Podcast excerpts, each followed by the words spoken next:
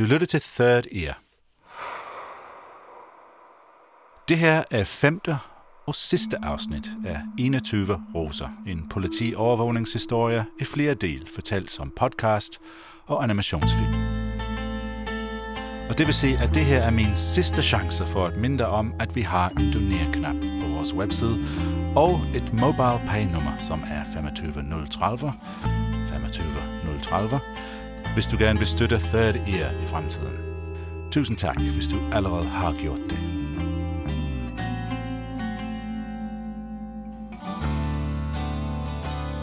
– 21 roser er en sand historie, taget fra Nordisk Kriminalreportage. Vi bruger redigeret del af de politiaflytningsbånd, som vi har fået lov til at bruge, fordi de blev afspillet i en offentlig retssag som bevismateriale dengang. Navne på mange af de involverede personer og steder er blevet ændret, ellers er alt, hvad du kommer til at høre, sket i virkeligheden. Falden omkring Børg for Bindslav, ham de kaldt Groben, Ulven, er ved at være sat. I slutningen af sidste afsnit, endnu et lucky break for narkoafdelingen i Slagelse, giver dem adgang til samtlige nye telefonnumre. Til alle i Børges bander. Nu er der store stakker af spolebånd og ringbind fuldt med afskrevet telefonsamtaler. Der er masservis af opsrapporter med vedhæftet fotografier. Bevismaterialet er ved at være temmelig omfattende. Men spørgsmålet er stadig, om det er nok. Om det holder i retten. Børge arbejder som besat for at rejse penge og genoprette forretningen, som har lidt stort tab på det sidste men han ved stadig ikke, hvordan det er, at politiet bliver ved med at være så forbandet heldig. Sidste afsnit hedder Ulvens sidste dag.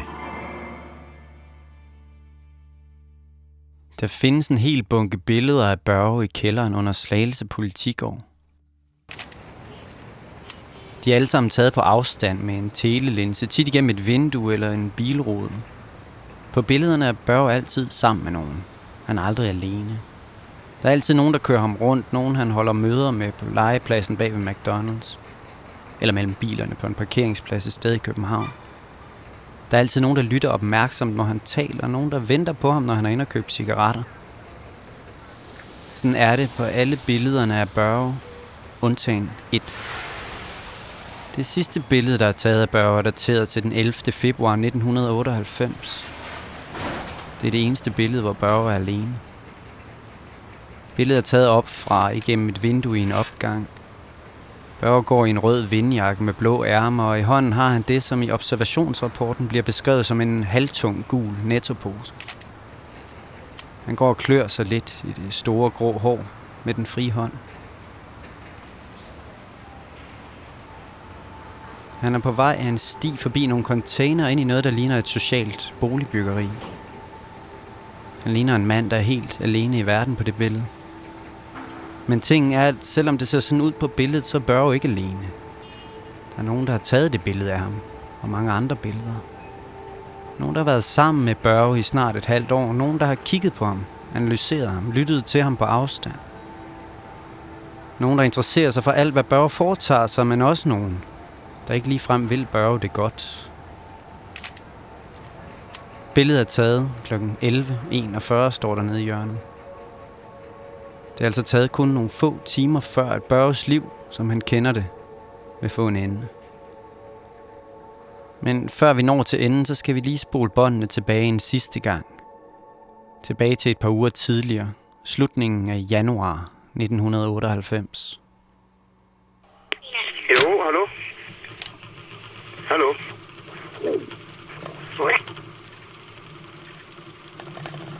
I sidste afsnit efterlod vi de tre på politikåren i Slagelse, lige der, hvor de igen havde fået hul igennem på alle telefonaflytningerne. Når lige med det samme kan de høre, at Børge Company ikke har ligget på den lade side. Ja, Det er mig igen. ja. Hey, jamen, vi skal, have, vi skal have fat på vores venner i Barcelona så hurtigt som muligt. Ja, men det får jeg orden i morgen. Det er alt er klart. Det er en ny en også. En, jeg kender også fra København og hele lortet. Ja, Jeg har mødt en ny en også fra København inden, så der er ikke noget der. og det er godt nok. Alt er klart nu. Vi, har, vi skal have en medalje for det her, det kan jeg godt sige dig. Ja, Ja, ikke? ja, Det, vi, nu skal vi, have, vi skal have en kæmpe medalje. ja. Og det er godt nok. I de par uger, hvor de tre slagelse har været koblet af, der har Børge været ude og være nye folk. Ja. Ja, hej. Hvem snakker jeg med? Pludselig er der dæknavne, som de tre i slagelse ikke har hørt før. Ja, hvem snakker jeg med? Øh, med automat. Hvad? Med automat. Hvem? Med automaterne. Spilautomater. Nå ja. Der er automatmanden. Automatmanden ved vi sådan set ikke rigtig, hvem er, udover at øh, at han havde nogle spilautomater i, øh, i, i Nordvestkvarteret. Og der er også en ny ven i Barcelona, lyder det til. Vores ven i Barcelona, ja. Som er lastbilchauffør. En, øh, en dansk langturschauffør. Og så er der Ole. Så siger Børge, for det er Børge, der ringer til ham. Børge siger, det er Ole. Hvornår er du, hvornår er du i Barcelona? Det er lidt kompliceret med ham, Ole. Ja, det er Ole. Hej, Ole. Hej. Øh, hvornår er du i Barcelona? Men det var ikke kun Børge, der kaldte sig Ole, når de skulle. Det gjorde de andre også. Ja, det er Ole. Ja, hej Ole. Hej Ole. Uh, nå ja. Ole er ikke bare én mand. I de her dage hedder de alle sammen Ole, når de snakker sammen i telefonen. Ja, det er Ole. Ja, hej, Ole. Ja, det er Ole. Hej, Ole. Ja, så jeg hører, hvornår du kommer hjem. Ja, du, du taler med Ole. Hej Ole. Hej, hej. Ja, hej, det er Ole igen. Hej Ole. Ja, ja hej, det Ole. Hej, Ole. Ja, hej, det Ole igen. Det lyder til at skabe lidt forvirring, at alle i banden bruger det samme dæknavn. Det Ole. Hej. Hej. Nå, øh, nå, men det, det er den rigtige, ikke? Ja. Øh, er du der? Ja, ja. Forvirrende eller ej, så gør Børge i hvert fald, hvad han kan for at sløre sine spor. Men det forvirrer nu ikke de tre med høretelefoner i slagelse. Den her gang har de hørt nok til at sammenstykke en konkret plan. Ja, du, du taler med Ole. Hej Ole. Hej, hej. Hvor er du henne af? Og øh, jeg har 200 km så 200 km fra Barcelona? Men planen er, at der er nogle af dem, der kalder sig Ole i Spanien, der skal aflevere has til ham, der kalder sig vores ven i Barcelona. Altså ham lastbilchaufføren, og han skal så smule hashen med hjem til Danmark i sin lastbil.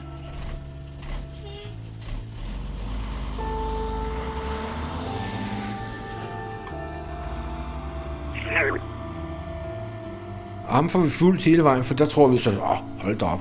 Det er jo sådan en uh, 30-fods uh, container, han har bag på, på sin trækker, ikke? så det ville være fint, hvis han fik en container fuld hjem af has og sådan noget, så, så kunne vi begynde at afslutte sagen.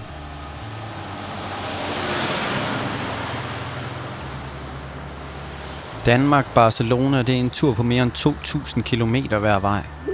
Ja, det er Ole. Ja, hej, Ole. Øh, hvor er du henne nu? Ja, nede ved Lyon. Han kørte i et stræk, og vi får fulgt ham hele vejen derned, og det har været dræbende for de stakkels øh, observatører at køre der 80-90 km i timen ned til Spanien og vende, og så køre tilbage igen. Ja, jeg skal måske lige vende rundt. Øh, nej, men øh, vi sidder på den side, hvor man kører ind til Barcelona. Ja, okay. Så er det om fra Danmark af? Fra Danmark af, når du kører ind mod Barcelona, ikke? Ja, det er den side, vi er på.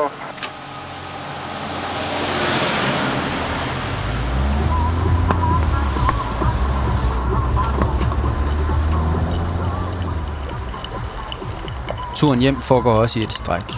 Ingen pauser, bare den ene time efter den anden i det inderste spor på motorvejen.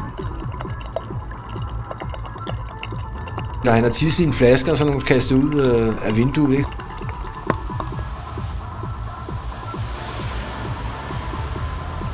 Med lidt til næsen og holde sig vågen på. Han tager jo en lille, en lille sniffer ind imellem.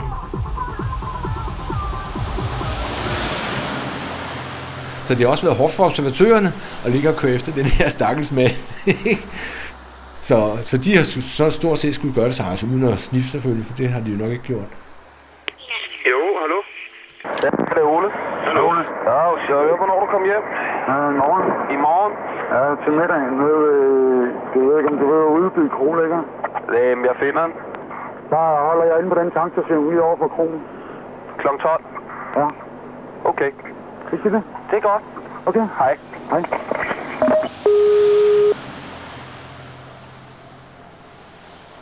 Udby Kro til middag. Tid og sted for overleveringen på bånd. Noget tyder på, at Børges nye folk ikke er lige så erfarne, som de gamle var. De gør det i hvert fald temmelig nemt for politiet, der lytter med, at gøre fælden klar til endnu en fangst. Lige over for krogen, der ligger der eller lå der dengang en tankstation, og der vidste det var det, de skulle mødes. Så vi kunne sidde ind på krogen og så se, hvad sker der? Hvem kommer der og overvåge? Tankstationen, som lå lige overfor. Og så sad vi det overfor og kunne så observere, da lastbilen kom og parkerede. Jeg har det Ole igen. Hej. Øh, jeg holder dig. og tog en, en sportstaske, satte den op på, på skærmen, tror jeg det var, af, den her lastbil, ikke? og så kom der så en bil med to mænd i fra København. Ikke? Det er automatmanden og en af hans venner, der holder og venter over på tankstationen. Hvorhen? Lige ved siden af øh, tanken. Nå, så kører I en hvid Mazda, hvis politiet skulle være i tvivl. Jamen, det, der holder vi også hvid master. Okay. Hej.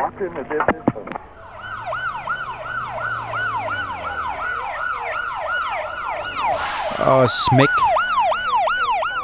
Så klapper fælden for tredje gang for en af Børges transporter.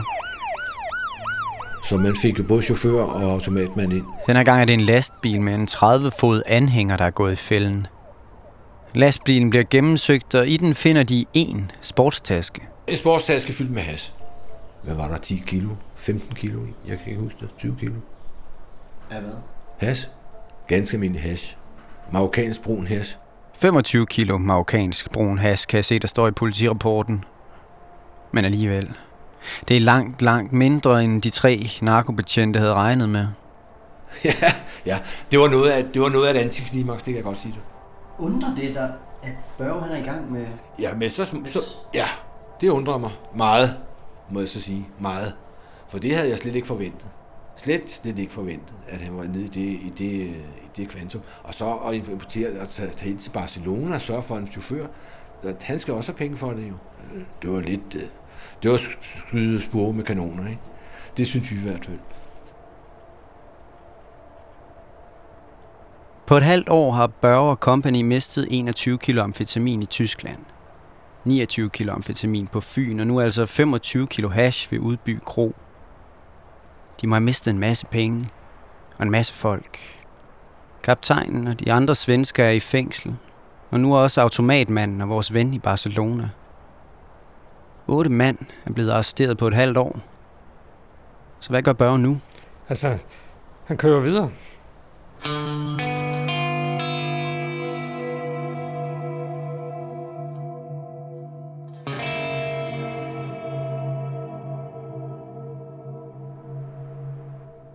Og så når vi frem til den 11. februar 1998 kl. 11.41. Det er en onsdag. Børge har kørt rundt i København hele formiddagen. Og nu har han parkeret bilen et sted på Amager. Og nu kommer han gående, det kan vi faktisk se, observatøren tager et billede, gående med, med en pose, en nettopose.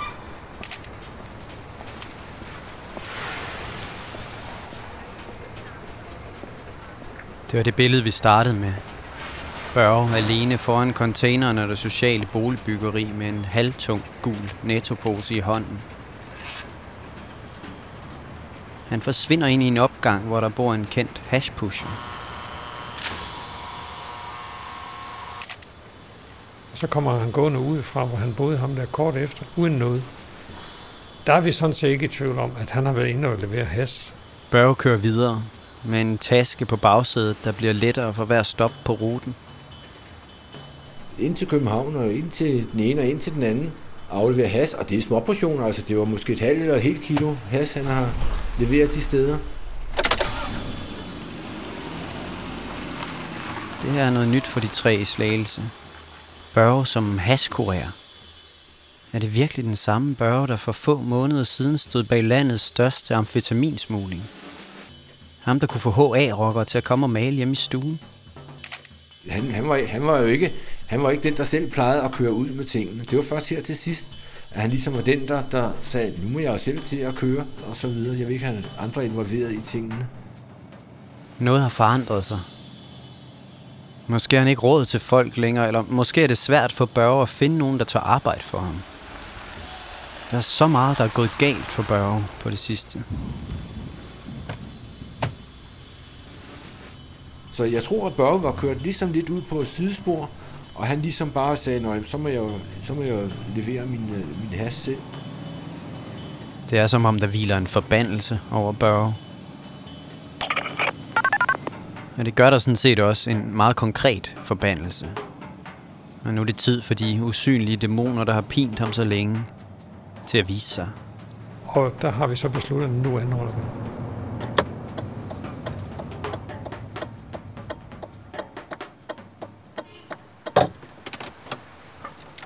Det er en almindelig patruljevogn, der bliver sat til at hive Børge ind til siden ude i Glostrup, lidt uden for København, da han er på vej hjem den dag. Nu tager vi altså Børge, så må det briste eller bære. Hvorfor, hvorfor nu?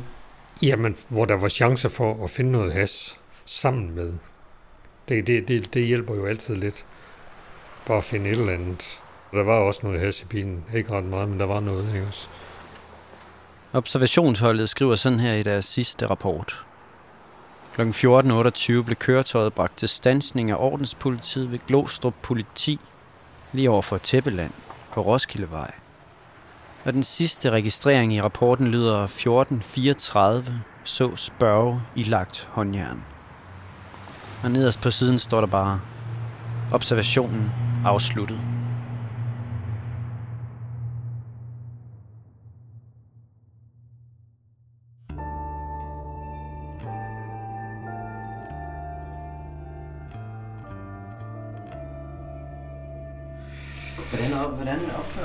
Han bliver anholdt? Stille og roligt. Er ingen... Der er ikke så meget pjat med ham. Det er nok hele hans væremåde, der er sådan, når han tager, tager nå, nå, så blev jeg anholdt. Så gik den ikke længere. Han er i hvert fald stille og rolig, og det er han generelt. Børge har måske heller ikke grund til at være andet end stille og rolig. Ikke endnu. Han kørte rundt med 10 kilo has, ikke? Eller 8 kilo has eller sådan noget der, og det koster vel øh, 10 måneder eller sådan et eller andet, ikke? I spjældet. Troede han. Ja, har han måske troet, ikke? 10 måneders fængsel er måske ikke det værste, der kan ske for Børge lige nu. Jeg kunne forestille mig, at det nærmest vil føles som en tiltrængt pause for alle de problemer, som Børgegaard har. Ups. Så er det jo mere, så er det, tror jeg, for ham så er det jo mere spændingen, hvor meget har de.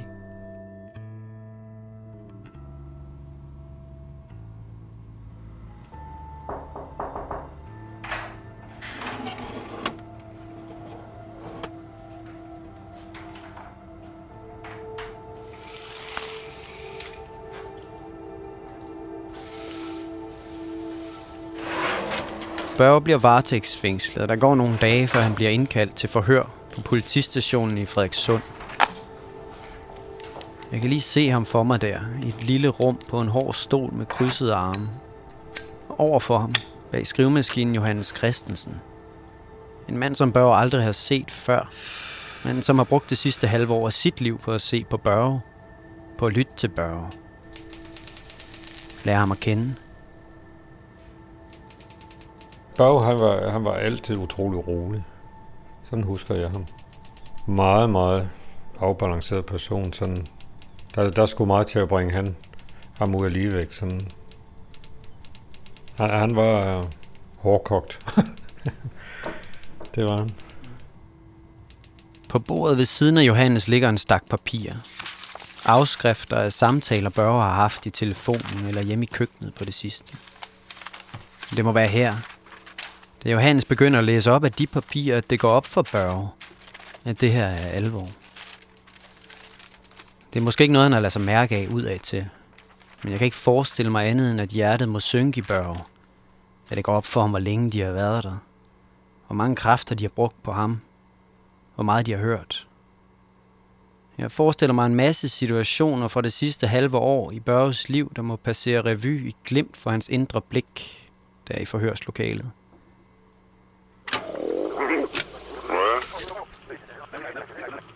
Der var ham den joviale og klodsede færdselsbetjent med alt for god tid til at sludre om de gamle dage på Vesterbro. Ham, der smækkede Børges nøgler ned i bagagerummet på bilen. Hvem var han? Og hvad med ham, den retarderede i skurvognen lige over for Børges indkørsel? Ham, der beskyldte Børge for at have stjålet hans vingummibamser, og som blev reddet i sidste sekund af sin søster. Hvem var de i virkeligheden?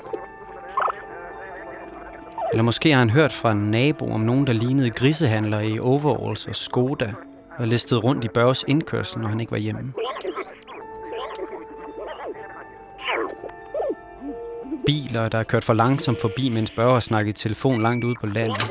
Genkendelige ansigter, blikke, skikkelser, et glimt af et kamera bag et vindue, eller måske et mærkeligt klik i telefonen, efter den anden har lagt på. Små advarsler, som Børge har ignoreret. Øjeblikke, hvor Børge kunne have handlet anderledes, taget en anden vej, hvis Børge altså ikke havde været Børge, og det her ikke havde været en tragedie. Og på et tidspunkt der i forhørslokalet, der må det også være gået op for Børge, hvor alt det her startede.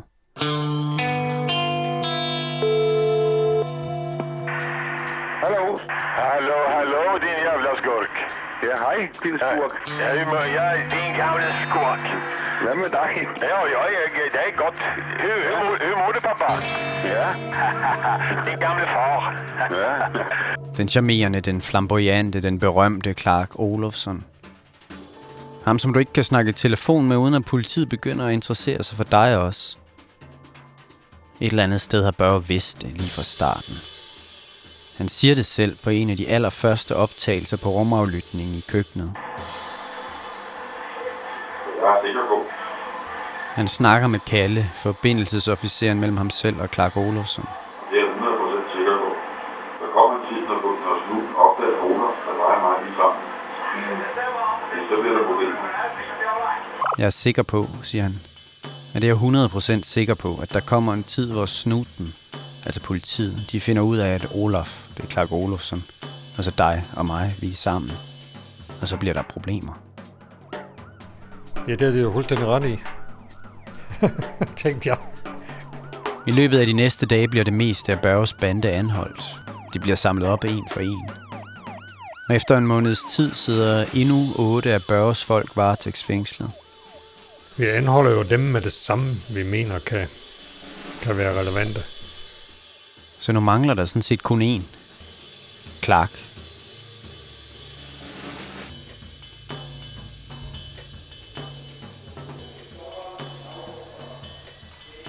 Men Clark er i Belgien, og han har skaffet sig et belgisk statsborgerskab.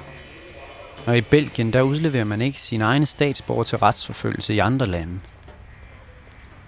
Så de må vente.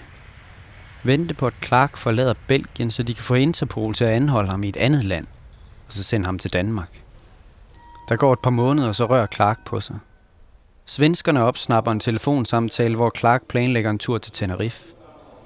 Og i det øjeblik, hans fly letter fra belgisk jord, der efterlyser de tre slagelse ham igennem Interpol. Og da han lander i Las Palmas, står det spanske politi parat.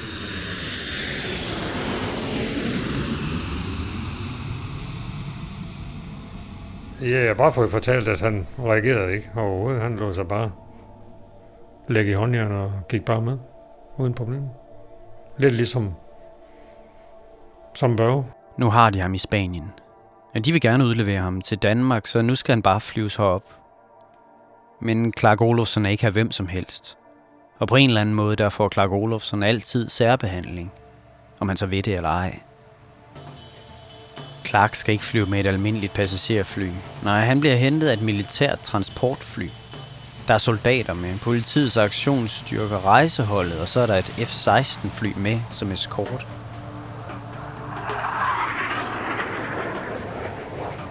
Så han bliver bragt hjem på, på den måde, man, man mener er mest sikker. Så det er det jo helt ualmindeligt. Jeg har aldrig hørt om de andre tilfælde. Jeg tror aldrig, det sker i andre tilfælde. Jeg har aldrig hørt om de andre tilfælde. Og det er jo, fordi man er bange, fordi han er jo flygtet så mange gange på så mange forskellige måder, når han var anholdt, så man vil ikke risikere noget som helst.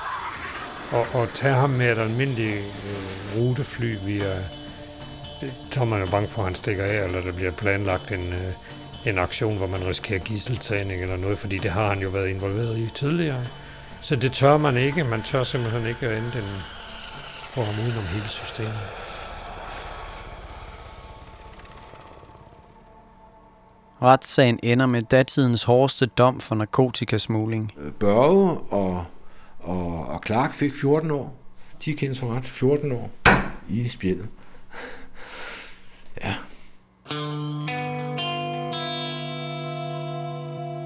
18 mand bliver dømt i den retssag til en samlet straf på 111 års fængsel. Og her ender historien om Børge og Clark og de mange kilo amfetamin. Det er over 20 år siden nu. Jeg sagde på et tidspunkt, at den her historie minder mig om en græsk tragedie. Men hvis det her havde været en græsk tragedie, så er det meningen, at det er nu, vi skulle lære noget. En forståelse af den menneskelige tilstand, som de kalder det, eller en morale. Jeg vil gerne have hørt ham, vi kalder Børge, hvad han har fået ud af alt det her. Og jeg har gjort, hvad jeg kunne, men det har ikke været muligt at finde ham. Eller nogen, der ved, hvad der senere skete med ham for den sags skyld. Han er som sunket i jorden. Måske er han død, eller måske bor han under et nyt navn. I en ny lille landsby. Jeg ved det ikke. Så moralen, den hænger altså på mig. For mig har den her historie lige fra starten handlet om en forbandelse. En forbandelse, der smitter. Børge havde en fin ting kørende ned i Bindslev. Alting tyder på, at han i mange år har haft sine hasttransporter kørende under politiets radar. En familiefar i et lille hus bag en høj hæk i en lille landsby. Usynlig. Lige indtil den dag, han begynder at snakke telefon med Clark Olofsson. Clark Olofsson, han er forbandet. Det er en meget konkret forbandelse, der hviler over ham. Clark har nedkaldt sig ikke gudernes vrede, men polisens vrede. Kendisbankrøver i 60'erne og 70'erne Sverige, som der blev skrevet hyldestsange om. Omkring 20 fængselsflugter med dynamit eller med en lastbil, der brager igennem tre fængselsporte. Et gisseldrama på Nordmalmstorv, der gav navn til Stockholm-syndromet. Clark har pisset politiet af til et punkt, hvor de vil gøre hvad som helst for at få skovlen under ham. Og det er den forbandelse, der rammer ikke bare Clark, men også folk omkring ham. I dag har Clark Olofsson skiftet navn. Han er 71 år gammel, og han sidder i Belgiens mest sikrede fængsel, hvor jeg ikke må komme ind og snakke med ham. Han har fået endnu en lang dom for narkosmugling. Og hvis han nogensinde kommer ud igen, så er jeg helt sikker på, at politiet står klar til at lytte med på ham. Og på alle dem, han taler i telefonen med. Så hvis jeg skulle komme med min morale for den her historie, et nyt ordsprog måske, ja, så må det være det her. Hvis du har noget, du gerne vil holde for dig selv, så er det lige meget, hvad du gør. Lige meget om du bruger dæknavne, telefonbokse og spanske mobiltelefoner med taletidskort. Ja, lige meget hvad du gør, så må du aldrig nogensinde tale i telefon med Clark Olofsson.